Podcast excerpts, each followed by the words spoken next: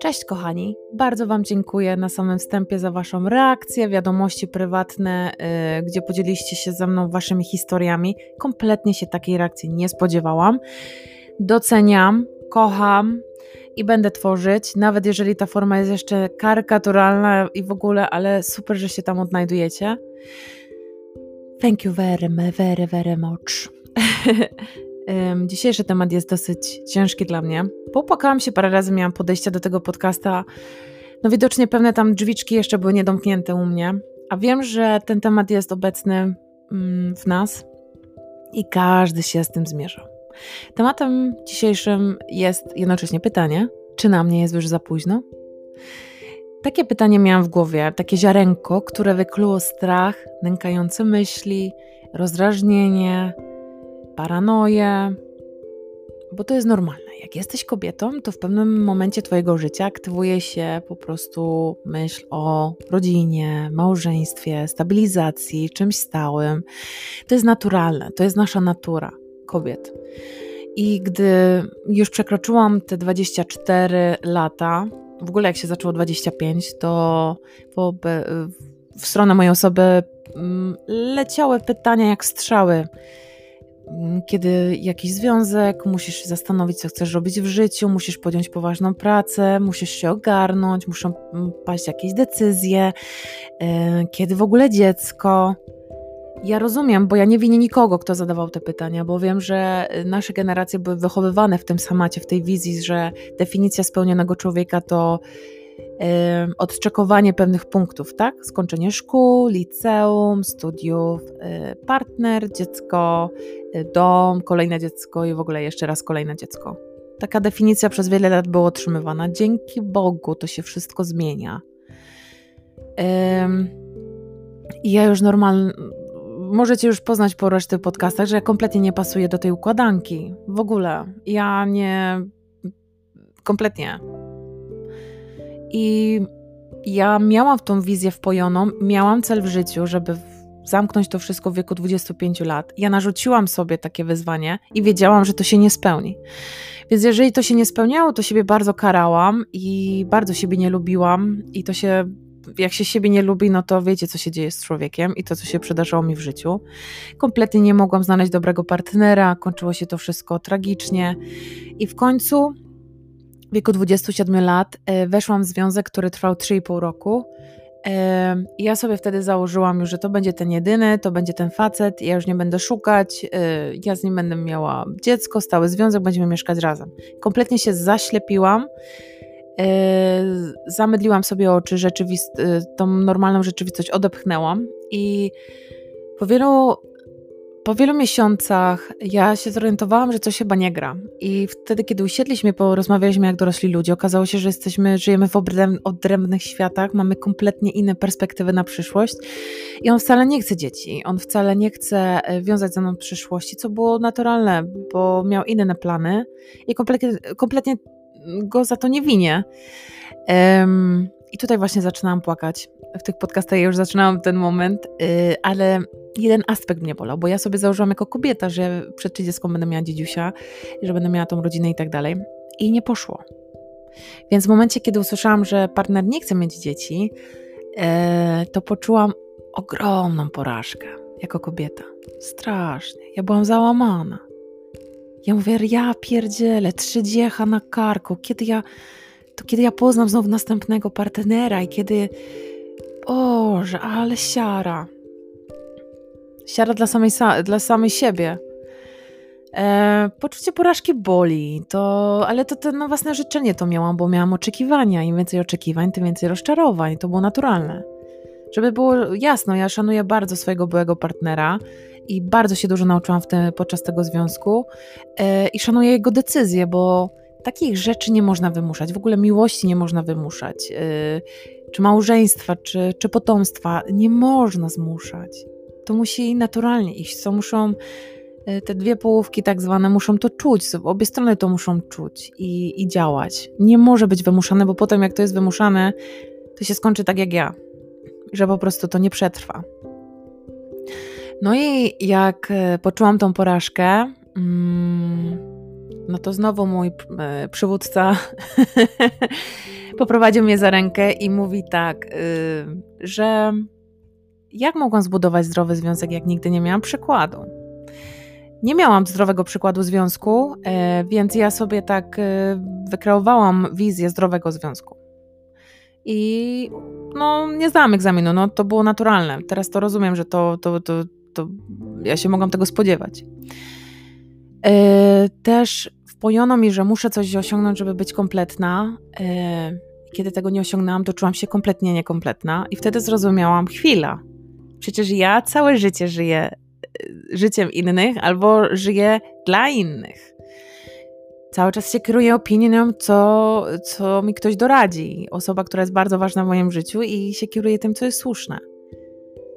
I potem sobie mówię, kurde, cholera, Baśka, obudź się. Przecież tak nie można. Jest okej. Okay. Jest naprawdę okej. Okay. Jesteś zdrowa, silna baba. Ogarniesz to. I faktycznie rozstaliśmy się, ja wróciłam do Danii. I zaczęłam żyć świadomie i to tak na 100%. Słuchajcie, to jest najcudowniejsza decyzja, jaka może być. Ja jestem najszczęśliwszym człowiekiem w tym właśnie momencie. Ja nigdy w życiu nie byłam tak szczęśliwa, jak jestem teraz. Świadoma tego, co przeżywam, świadoma własnych emocji, własnych decyzji. E, I to też ma odzwierciedlenie y, w kontakcie z innymi bliskimi, że jest lepiej, że jest szczerzej, że jest normalnie, zdrowo. Wiadomo, że są gorsze dni, ale jest naprawdę spoko. Bo wiecie, co zrobiłam? Ja siebie odciążyłam od tej wizji. Ja zaakceptowałam moje życie takie, jakie jest. Zaakceptowałam to, że jest inne, że nie muszę mieć takiego życia, jak mają moi znajomi czy moja rodzina. Nie muszę w ogóle wypełniać jakichś kryteriów, które ktoś tam kiedyś założył, że ma tak być, a nie inaczej. Mam prawo do tego, żeby mieć swoje życie, swoje decyzje. Mam prawo do radości, do, do podróżowania, do poznawania nowych ludzi, do eksperymentowania, do sprawdzenia tego, co jest dla mnie dobre i słuszne i co mi służy. Do tego mam prawo. Napad, napotoczyła mi się książka, e, wracając do siebie. Polecam wam bardzo gorąco. To jest Dominiki Dworak ona ma dostępno, dostępnego e-booka i także w formie fizycznej. Ona rozpisała książkę na 16 lekcji, gdzie czytacie rozdział na jeden dzień. I każdy rozdział jest na przykład odwaga, intuicja, akceptacja, rewelacja. I pozwolę sobie zacytować yy, jej słowa, które mi bardzo pomogły i bardzo jej dziękuję. Oto one. Gdy jesteś pogodzona ze swoim życiem i akceptujesz wszystkie jego bogactwa i niedostatki, osiągasz pełnię spokój i szczęście. To jest akceptacja. A następne cztery wersy, które działały na mnie jak na lekarstwo, kiedy przechodziły bardzo ciężkie chwile, kiedy bardzo płakałam, bo tego potrzebowałam. Mm, I kiedy nie mogłam się pogodzić z tym, że pewne rzeczy, na pewne rzeczy nie mam wpływu. Oto ona. Pogodzenie się z tym, na co nie masz wpływu. Pogodzenie się z tym, co już się wydarzyło. Pogodzenie się z tym, którzy nie potrafią Cię zrozumieć. Pogodzenie się ze sobą, by osiągnąć spokój. Ja się pogodziłam ze sobą. Pogodziłam się ze sobą, bo przestałam pchać siebie na siłę gdziekolwiek bo, bo się tak naprawdę zastanawialiście się kiedyś, jakby to było, jakbyście się przestali zadręczać, jakbyście się przestali zadręczać zdarzeniami, rzeczami, które się wydarzyły, które się zdarzają, yy, na rzeczy, które nie macie wpływu. Bo to jest tak, że my po prostu staramy się cały czas coś kontrolować, zmieniać. A jakbyśmy się tak po prostu poddali, co jest ponad nasze siły, let it go. Zostawcie to nie wymuszajcie.